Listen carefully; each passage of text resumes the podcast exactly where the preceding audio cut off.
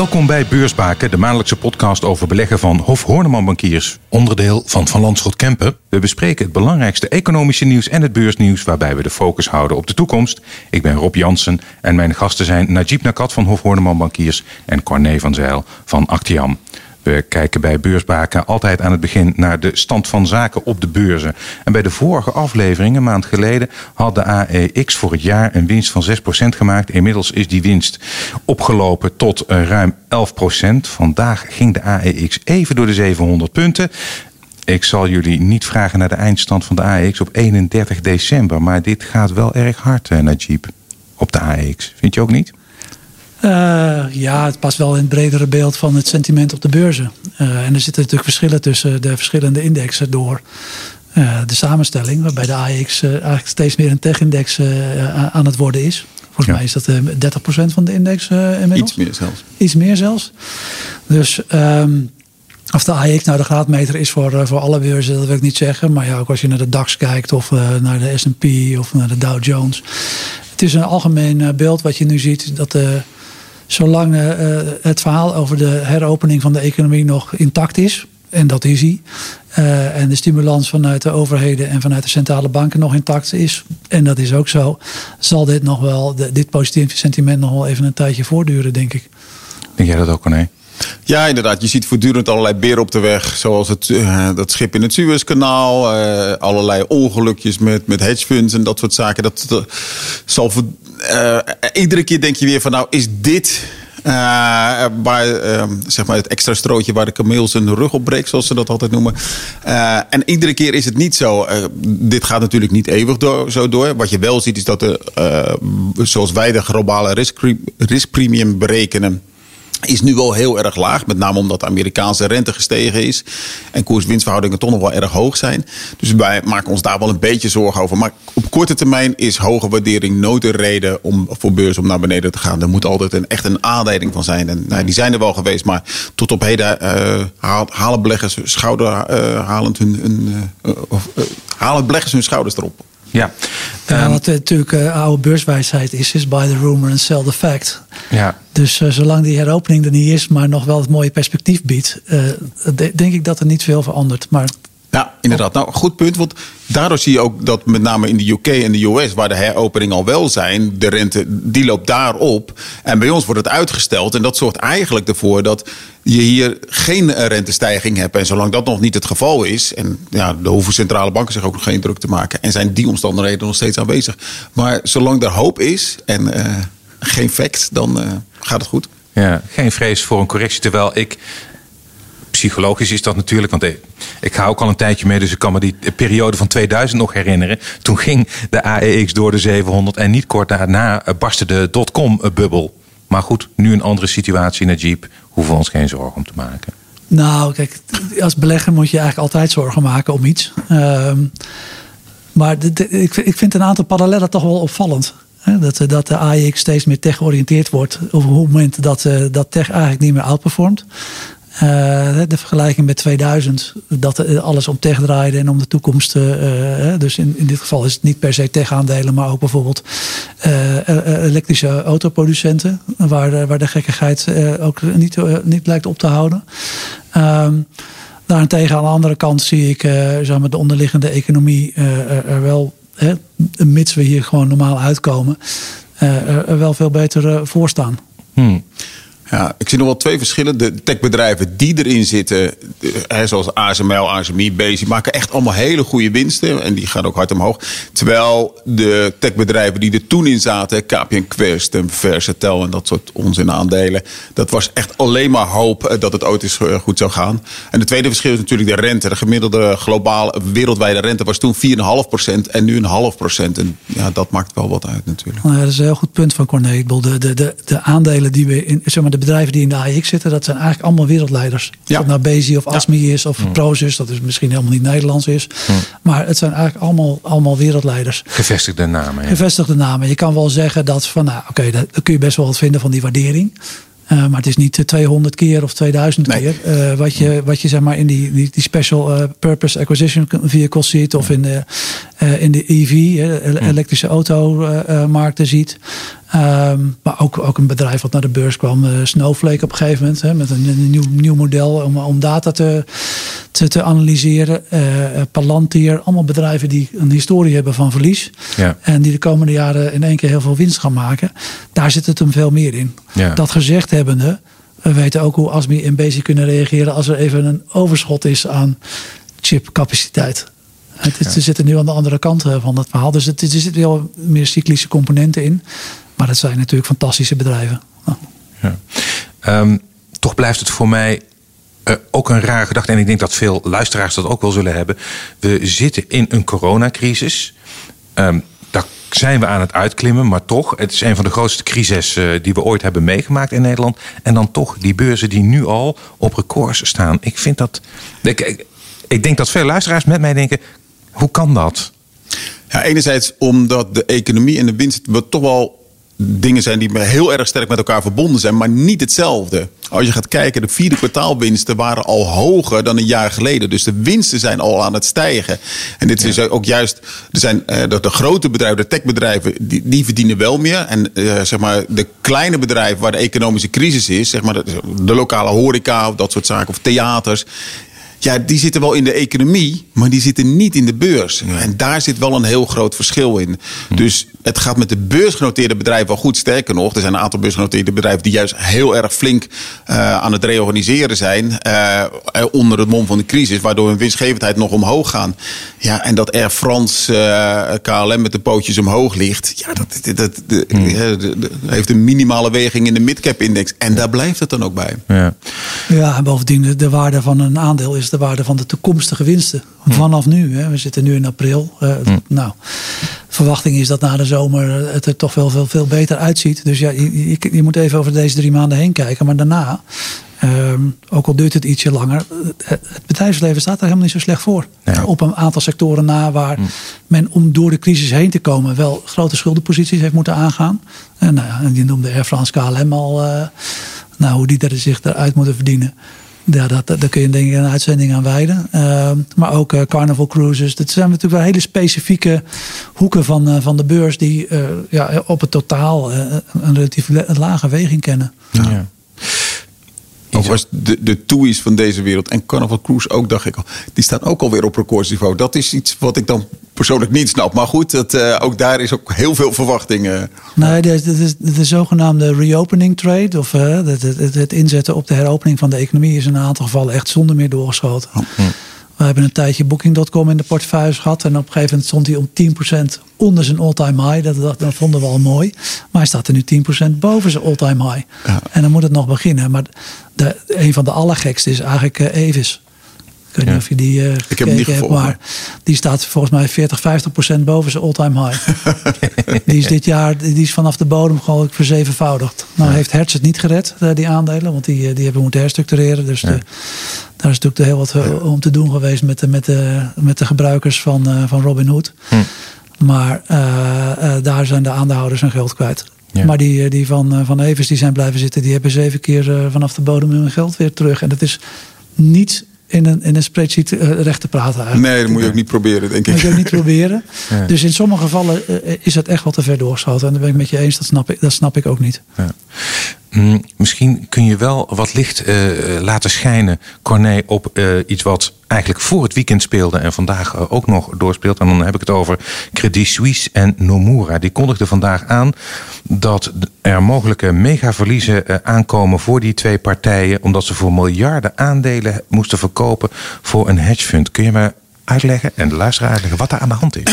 Nou, dat is een vrij ingewikkelde zaak, maar de, het komt er in, in principe op neer dat er een groot hedgefund was uh, die um, op een gegeven moment uh, bij de banken zeiden van nou je moet je positie gaan verkopen want je, je hebt te veel schuld. Die was vijf keer geleveraged.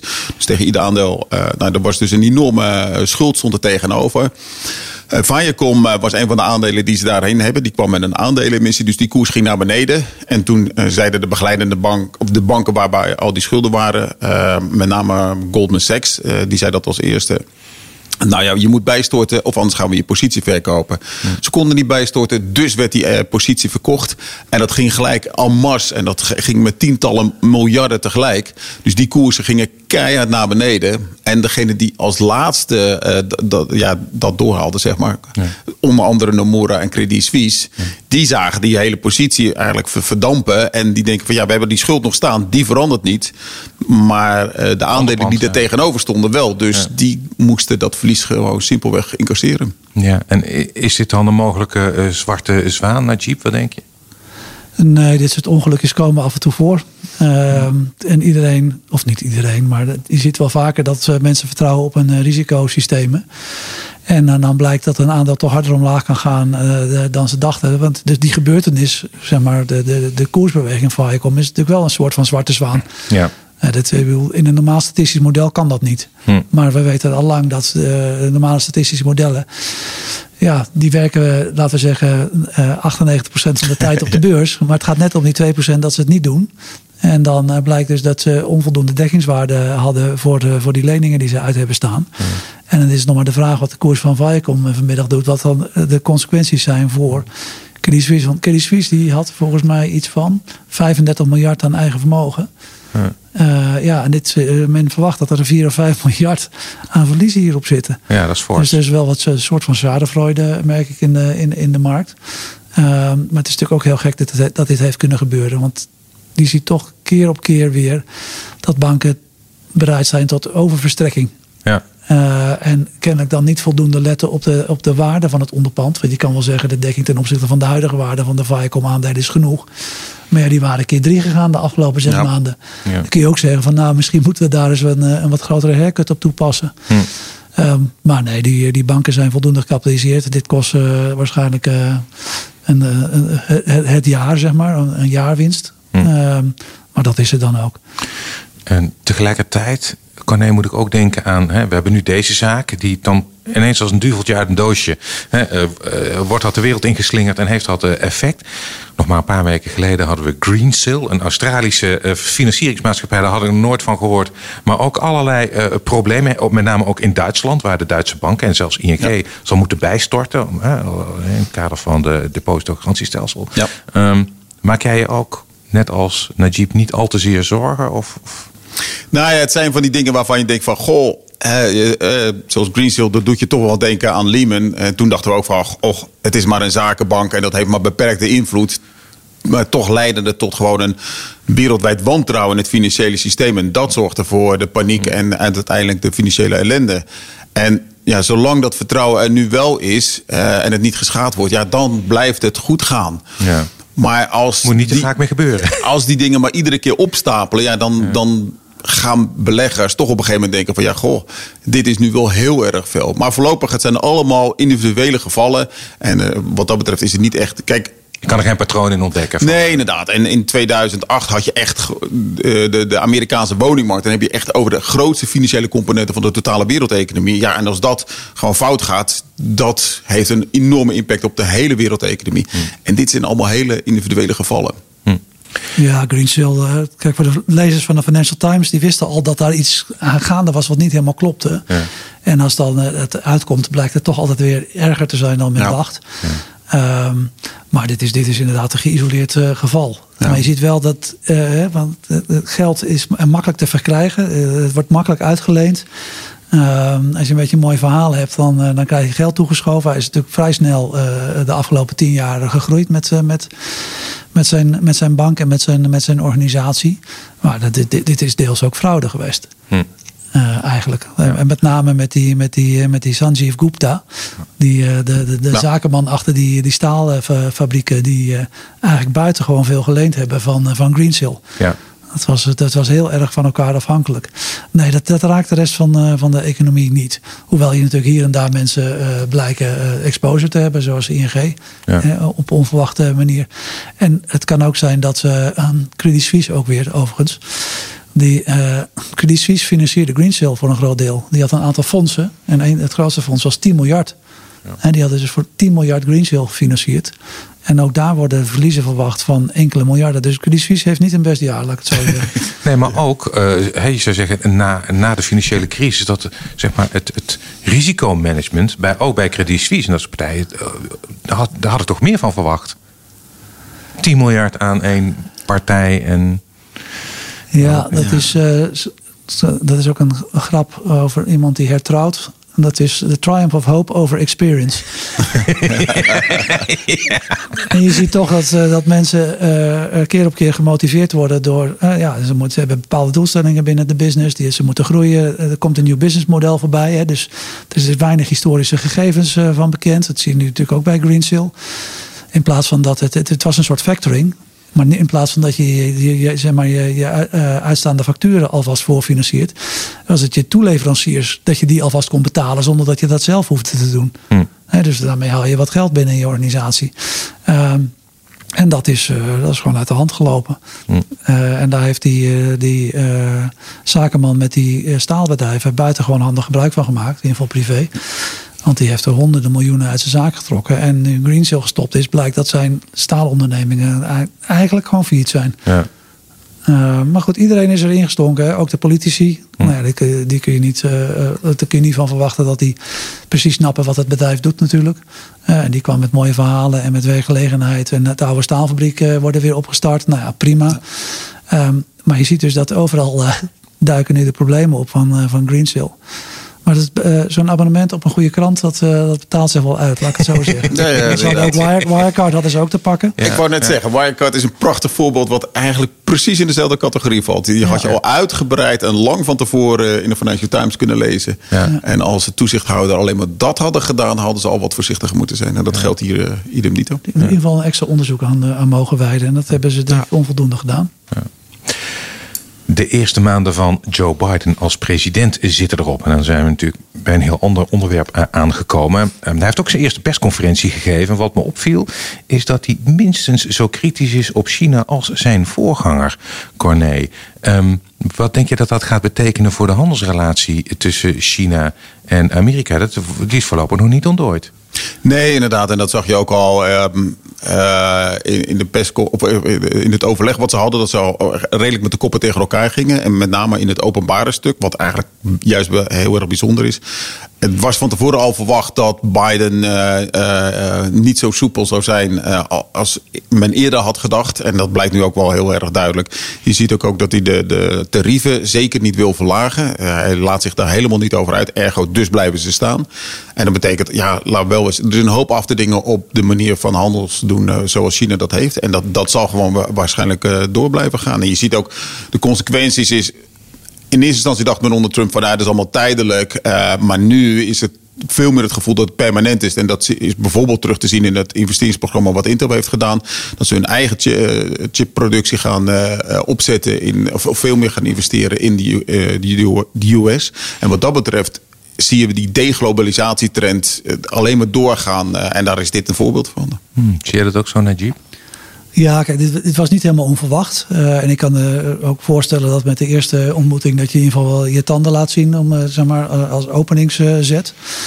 Ik denk wel dat het wat voorspelbaarder en traditioneler ja. zal verlopen dan mm. bij Trump. Want ja, als die dan om vier uur s ochtends om één keer een tweet uitgooit, dan was de beurs weer uh, helemaal. Oh.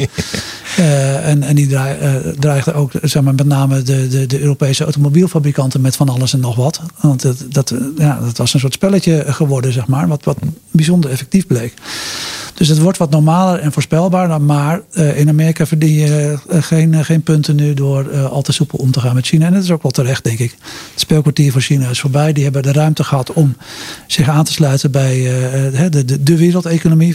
ze zijn, denk ik, in 2003 toegetreden tot de Wereldhandelsorganisatie. Ja. Hebben dus wat andere spelregels gehad als opkomend land. Uh, maar dat, dat, dat kan niet meer. Nee. Uh, dus die handelsrelatie wordt gereset.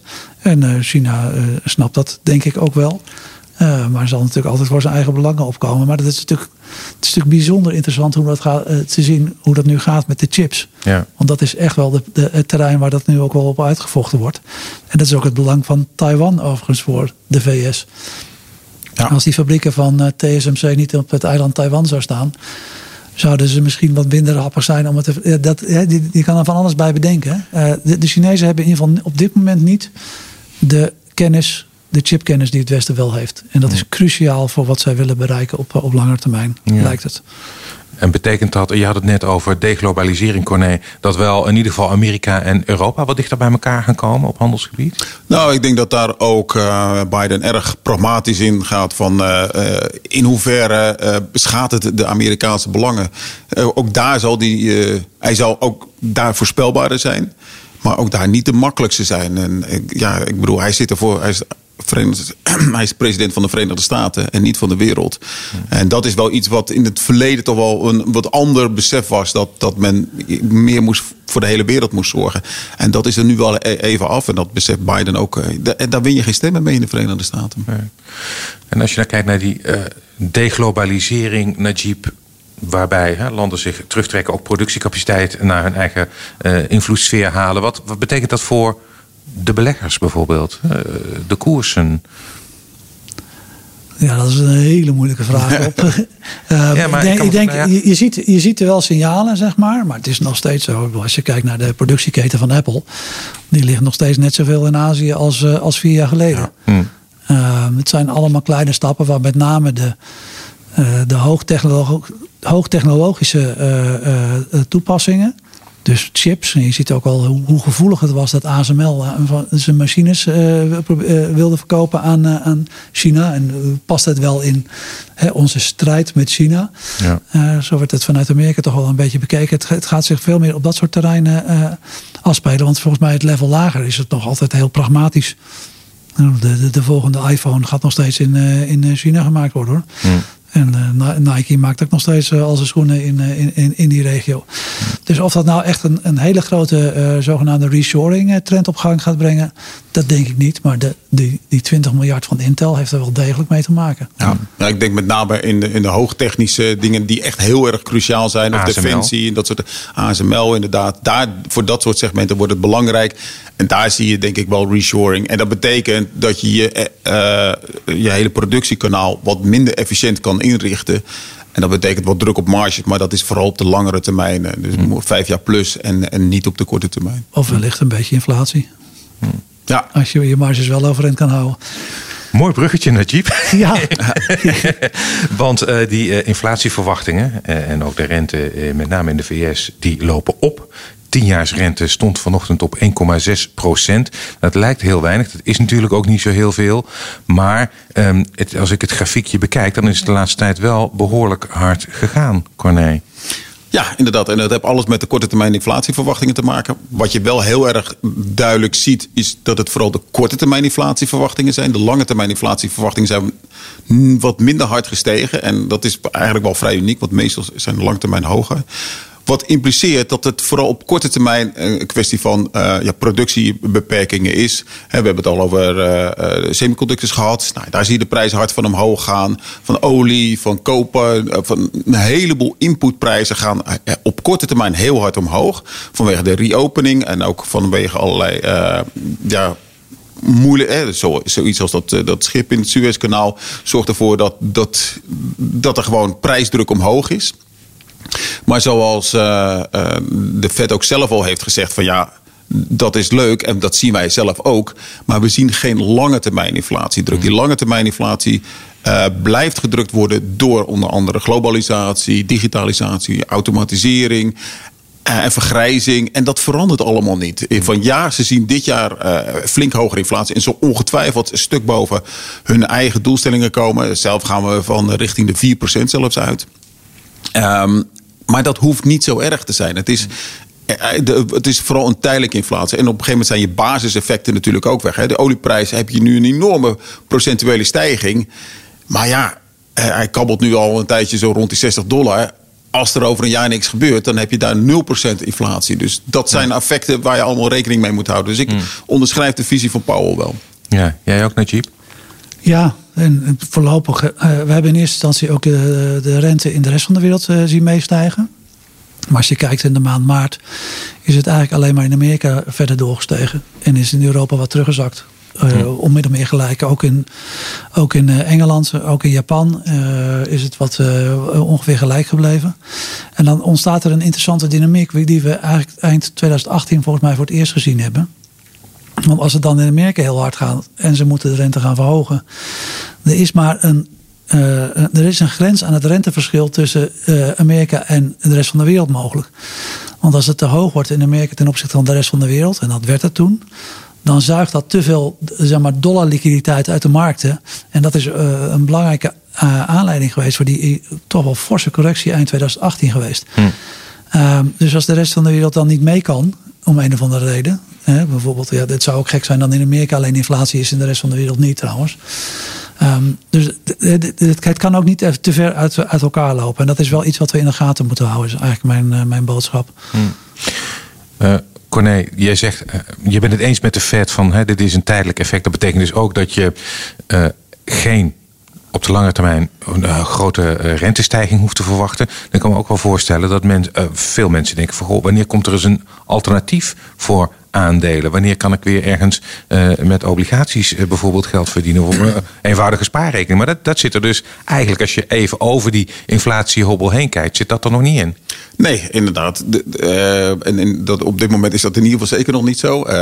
want ja, min 0,3% voor Duitse obligaties, dat is, blijft dramatisch. En dat, is, dat zal voorlopig ook wel zo zijn. Hm. Het is wel zo ehm, van ja, als je verder kijkt daar hoef je niet bang voor te zijn voor inflatie. Maar wat gaan al die obligatiebeleggers doen op het moment dat je op die inflatiehobbel staat? Als er op een gegeven moment uh, 2,5, 3 procent in Duitsland staat en, en 4 procent in Amerika. Uh, vraag ik me af of mensen nog steeds, of obligatiebeleggers nog steeds zo koelbloedig kijken van nou, dat is allemaal maar een tijdelijk effect en het stroomt niet door. Dus dat moet ik nog eventjes zien. En dan kan je best wel nog een, een verdere uh, tijdelijke rentestijging hebben. Maar ook hier, ik, ik verwacht nog steeds dat het een tijdelijke rentestijging en tijdelijke inflatiestijging zal zijn. Ja, denk ja die lange termijn trends die drukken te veel op, uh, op het renteniveau. En je zag inderdaad eind 2018 dat toen die Amerikaanse rente boven de 2% kwam, dat het allemaal begon te piepen en te kraken in de, in de wereldeconomie. Hm. Dus hm. ik moet het eerst zien. Hm. Um, en we zullen tijdelijk wat hogere inflatie hebben. En of dat blijft plakken, dat, ja, ergens hoop je toch wel dat, het er, dat, dat er wat meer inflatie is. Maar ehm, ja, we hebben het de afgelopen twintig jaar in Europa eigenlijk heel moeizaam uh, omhoog kunnen krijgen. De lange termijn trends zijn gewoon te sterk. Als we kijken naar de afgelopen maand, dan zien we ook dat de technologieaandelen niet meer zo hard stijgen als uh, voorheen. Um, is dat iets structureels, Corné, denk je, of gaan die wel weer oppikken snel? Nou, de waardering van technologieaandelen zijn natuurlijk echt wel flink omhoog gegaan. Er is echt wel wat uh, van de toekomst ingeprijsd. Uh, en je ziet dat vooral die technologieaandelen vanwege die hoge groei het goed doen bij een hele lage rente. Nou, de renteontwikkeling, met name Verenigde Staten, is, is wel gedraaid. En dat betekent dat dat de een van de belangrijkere oorzaken is van het terugblijven. Um, en ook hier geldt ook weer een beetje het momentum. Als het momentum eruit loopt, dan gaat ook een beetje de interesse gelijk weg. Dus die, hm. dat overmatig enthousiasme van beleggers zie je dan ook gelijk verdwijnen. En het, het is altijd de, de interesse van beleggers volgt de koers altijd en niet andersom. Dus eh, dat, dat is nu wat aan het normaliseren. Het is wel zo dat de onderliggende groeitrend eigenlijk niet veranderd is. Dus wat dat betreft, de onderliggende winsten, daar is niks aan veranderd. Hm. Denk jij dat ook, Netje?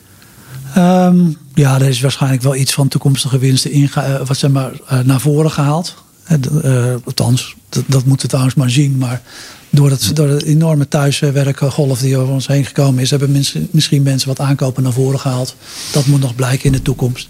Het zijn natuurlijk allemaal in ieder geval de, de, het topsegment van, de, van, van die bedrijven waar we het net over hadden in de AIX. Zijn allemaal hartstikke goed gepositioneerd, degelijk gefinancierd. Um, alleen je kan natuurlijk de discussie hebben over de, over de waardering. Ja. En um, een deel van het, het, het, mooie rendement van de afgelopen jaren was dat men steeds meer bereid was te betalen voor een euro winst. Nou, ik denk het belangrijkste voorbeeld is Apple, die van 12 keer naar een kleine 40 keer de winst ging. Dan kun je zeggen, ja, Apple is vier, vijf keer over de kop gegaan. Ja, maar vier keer daarvan is zeg maar de, de waardering. De, uh, nou, ik, ik, rond het een beetje af, maar uh, een groot deel daarvan heeft te maken met een herwaardering van het aandeel. En dat kan natuurlijk ook terecht zijn, en dat is zeker uh, het geval. Maar hoeveel dat precies is, dat, dat, dat, dat weet je niet. En dat kan natuurlijk niet oneindig doorgaan op een gegeven moment is die, die, zeg maar, die, die herwaardering wel, uh, wel geweest. Uh, en misschien uh, wel zelfs doorgeschoten. Dat denk ik. zeker omdat je in een heleboel delen van die techmarkt, in die jonge techbedrijven, echt al, ik noem het maar gewoon een bubbel, hm. ziet. Ehm, en dat, ja, je kan niet dan van 40 naar 50 keer de winst en dan van 50 naar 60 keer de. Op een gegeven moment moet de winstgroei het, moet je het alleen van de winstgroei hebben. En dan heb je die enorme outperformance gezien van die techbedrijven van de afgelopen jaren. Dat, dat is gewoon niet, dat is niet op dat tempo houdbaar. Wat er dan vervolgens bij komt, is dat mensen gaan kijken van hé, hey, wacht eens even, de rente wordt wat hoger. De economie heropent.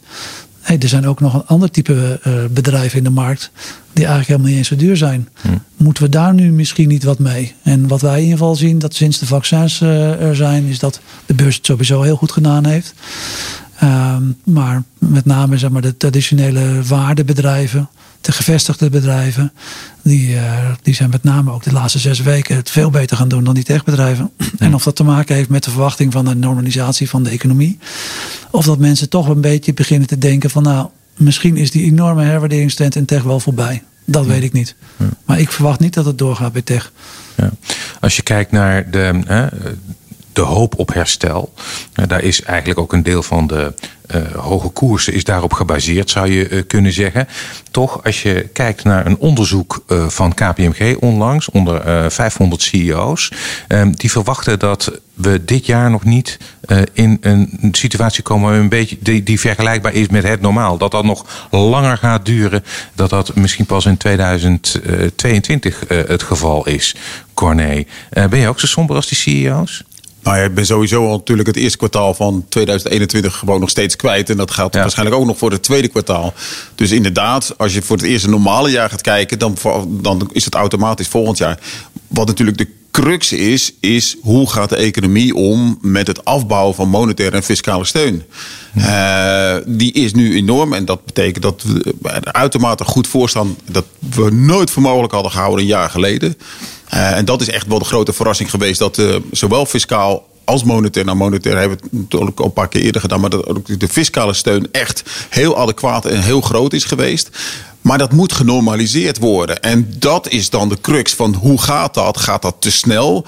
Uh, en het centrale bankier zegt heel duidelijk: je kan het beter te veel doen dan te weinig. En dat klopt ook helemaal. Maar ook dan, het gaat een keertje genormaliseerd worden. En hoe gaat de economie en de beurzen daarmee om? En dat, dat blijft wel een, de, de cruciale vraag die ik niet kan beantwoorden. Nee. En nou ja, we kunnen natuurlijk wel een schatting doen. Nou, dat je nou, bij deze. Te snel, ja, zeg het te maar. snel of te weinig? Nou, wat je ziet is dat met name de fiscale steun waar het meest van profiteren is. De Amerikanen die uh, ook dit jaar weer een begrotingstekort uh, gaan oplopen van een procent of 15. En vorig jaar was ook al 15 procent. Ja, daar, uh, dat, is, dat is niet voorspelbaar hier in, in Europa. En dat, daar, daar profiteert natuurlijk de rest van de wereld ook aan mee.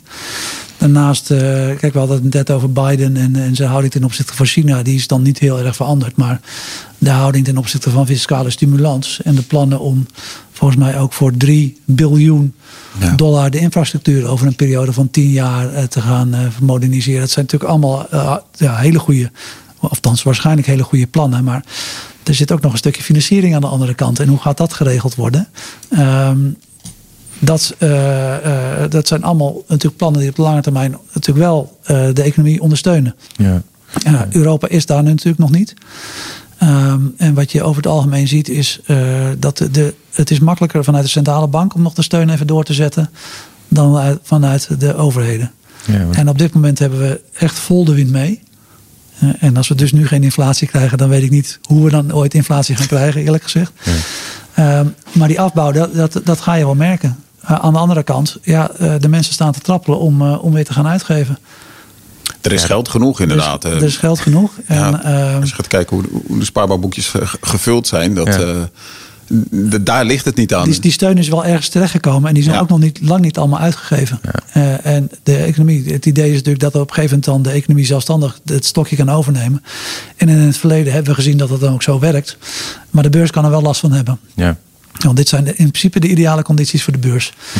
Liquiditeit is echt uitbundig. Dat stroomt als eerste naar de beurs. En daarna gaat de economie er pas van wat, merken, uh, uh, wat van merken. En op dat moment gaan de overheden wat terugschroeven. En dan, ook dan merkt de beurs dat als eerste. Hm. Ja, het is overigens wel dat die 3 miljard uh, infrastructurele plannen die de Biden heeft, met name door belastingen moeten worden gefinancierd. In tegenstelling, tenminste dat zegt hij uh, wat je merkt met dat soort plannen is altijd dat het uitgeven het makkelijkste gaat. Het geld weer ophalen wat, wat, wat, wat moeilijker. Tenzij je het op de staatsschuld gooit. Dus de belastingverhoging zal er voor bedrijven wel aankomen. Wat ook logisch is, want die waren ook te veel verlaagd. Maar ook voor ja, de wat meer vermogende Amerikanen. Wat ook logisch is, want die hebben bovenmatig geprofiteerd van al dat herstel. Dus uh, ik denk ook wel dat dat er uiteindelijk door zal gaan. Ja, ja, ja belastingverhoging voor bedrijven gaat natuurlijk wel effect hebben op, uh, op, de, op de winsten. Dat betekent dat je een jaar winstgroei kwijt bent waarschijnlijk. Ja, ik moet bij, de, bij, moest bij het infrastructuurplan van Biden denken aan Trump die het heeft beloofd en niet heeft gedaan. Maar ook Obama had uh, ja, veel in de infrastructuur. En het lijkt wel een steeds terugkerend thema alsof een nieuwe president altijd ik ga investeren in de infrastructuur. Maar blijkbaar is het nog steeds nodig, dus ook dat dat gebeurt. En wordt het, is het in het verleden niet, niet goed opgepakt, heb ik het idee. Nou ja, wat ik in ieder geval vanuit mijn beperkte eh, analyse vanuit de auto in mijn eh, rondreis door Amerika twee jaar geleden, kan ik wel bevestigen dat er best wel wat bruggen zijn die, die wat onderhoud uh, nodig hebben. Ik weet niet of Obama ook het congres met zich mee had op dat moment. want de Republikeinen hebben altijd een voet dwars gezet bij bestedingsplannen van, van de Democraten. En, dat klopt, ja. Het congres moet ook meewerken. En, dat is niet, en het congres, ook nu is het niet ge, een gedane zaak overigens. Nee. Nee. Nou, dat wordt uh, spannend. We zullen het zien. Uh, we zijn alweer aan het einde gekomen van deze aflevering van Beursbaken. En ja, de podcast uh, over beleggen is natuurlijk niks zonder een tip voor de beleggers. Corné, wat is jouw tip voor de belegger? Um, ja, we hadden het net over waardeaandelen en groeiaandelen. En, en een van de markten waar je de, de mooiste, of mooiste, maar een heel mooi groepje met waardeaandelen ziet, is de, is de UK. Dus uh, ik denk dat uh, een ETF MSCI UK wel een hele mooie is. Er zit daar vooral veel banken, veel energiemaatschappijen, maar ook veel food and beverage in. en die combinatie is denk ik wel een hele mooie in, in dit soort markten. En het is ook sterk achtergebleven. En dat zijn allemaal bedrijven. Ja, je denkt gelijk Brexit. Ze hebben allemaal relatief weinig van Brexit. Sterker nog, ja, de olieprijs heeft helemaal geen correlatie met de Brexit. Ja, en we hadden het uh, voor de uitzending al even uh, over de tip. En jij hebt mij ook de ISIN-code gegeven van de tracker waar jij aan refereert. En dat is IE00B5 39F030 en is natuurlijk ook op te vragen via info.hofhoorneman.nl. Najib, wat is jouw tip voor het luisteraar?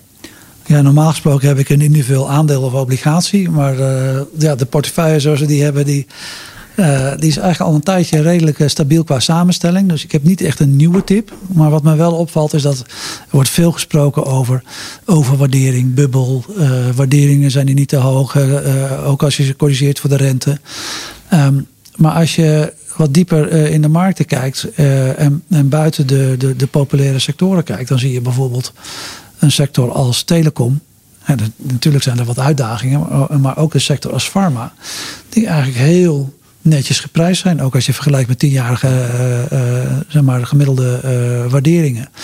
Praat je over 12, 13 keer de winst. Als we bijvoorbeeld kijken naar de waardering van onze eigen waardeportefeuille, value portefeuille, dan zit die voor het komend jaar gewoon nog onder de 10. Dus die, die grote verschillen die, waar we het altijd over gehad hebben, ondanks de rally, uh, is het nog steeds eigenlijk buiten de, de hele populaire sectoren nog best wel interessant uh, uh, genoeg om een portefeuille mee, mee, op te bouwen. Dus het is meer een, een tip van algemene aard.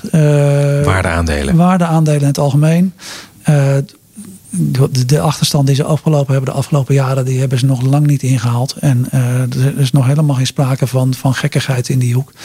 Nou, vraag ik me af of dat ooit komt. Maar, ehm, maar ook een beetje dividendportefeuille bij elk, in elkaar zetten van, van, van dat soort aandelen levert al gauw een dividendrendement op van een procent of vier. Ja. Eigenlijk vrij makkelijk. Dus ik wil weg van het beeld dat de beurs overgewaardeerd is. Het is echt een, toevallig ook een belangrijk deel van de beurs technologie, media, eh, nieuwe technologie. Eh, maar daarbuiten de gewone aandelen, gewoon als je ze hebt vasthouden. En anders zou ik er nog eens een keer goed naar kijken. Het mooie van zo'n portefeuille is dat je helemaal geen gekkigheid nodig hebt. Eh. Precies. Nee, dat zijn ook allemaal hele bekende bedrijven. Denk van, hè? Want ook, ook bijvoorbeeld bij Pharma zou je denken, van, met al die vaccins en zo, er moet toch wel veel meer aandacht voor zijn. Ja, 12, 12 13 keer de winst. Hm. Ja, echt, echt onder, ondergemiddeld hoor. Hm. Hartelijk dank. Najib Nakat van Hof Hordeman Bankiers, onderdeel van Van Landschot Kempen. En natuurlijk ook Corné van Zeil van Actiam. Dit was de zevende aflevering van Beursbaken, de podcast voor beleggers van Hof Hordeman Bankiers. Als u wilt reageren, mail dan naar info.hofhoorneman.nl. Deze podcast verwoordt de inzichten van Hof Horneman Bankiers, onderdeel van Van Landschot Kempen. Het is geen beleggingsadvies. Verdiep u in de risico's van beleggen voordat u eraan begint. De waarde van uw beleggingen kan fluctueren. In het verleden behaalde resultaten bieden geen garantie voor de toekomst.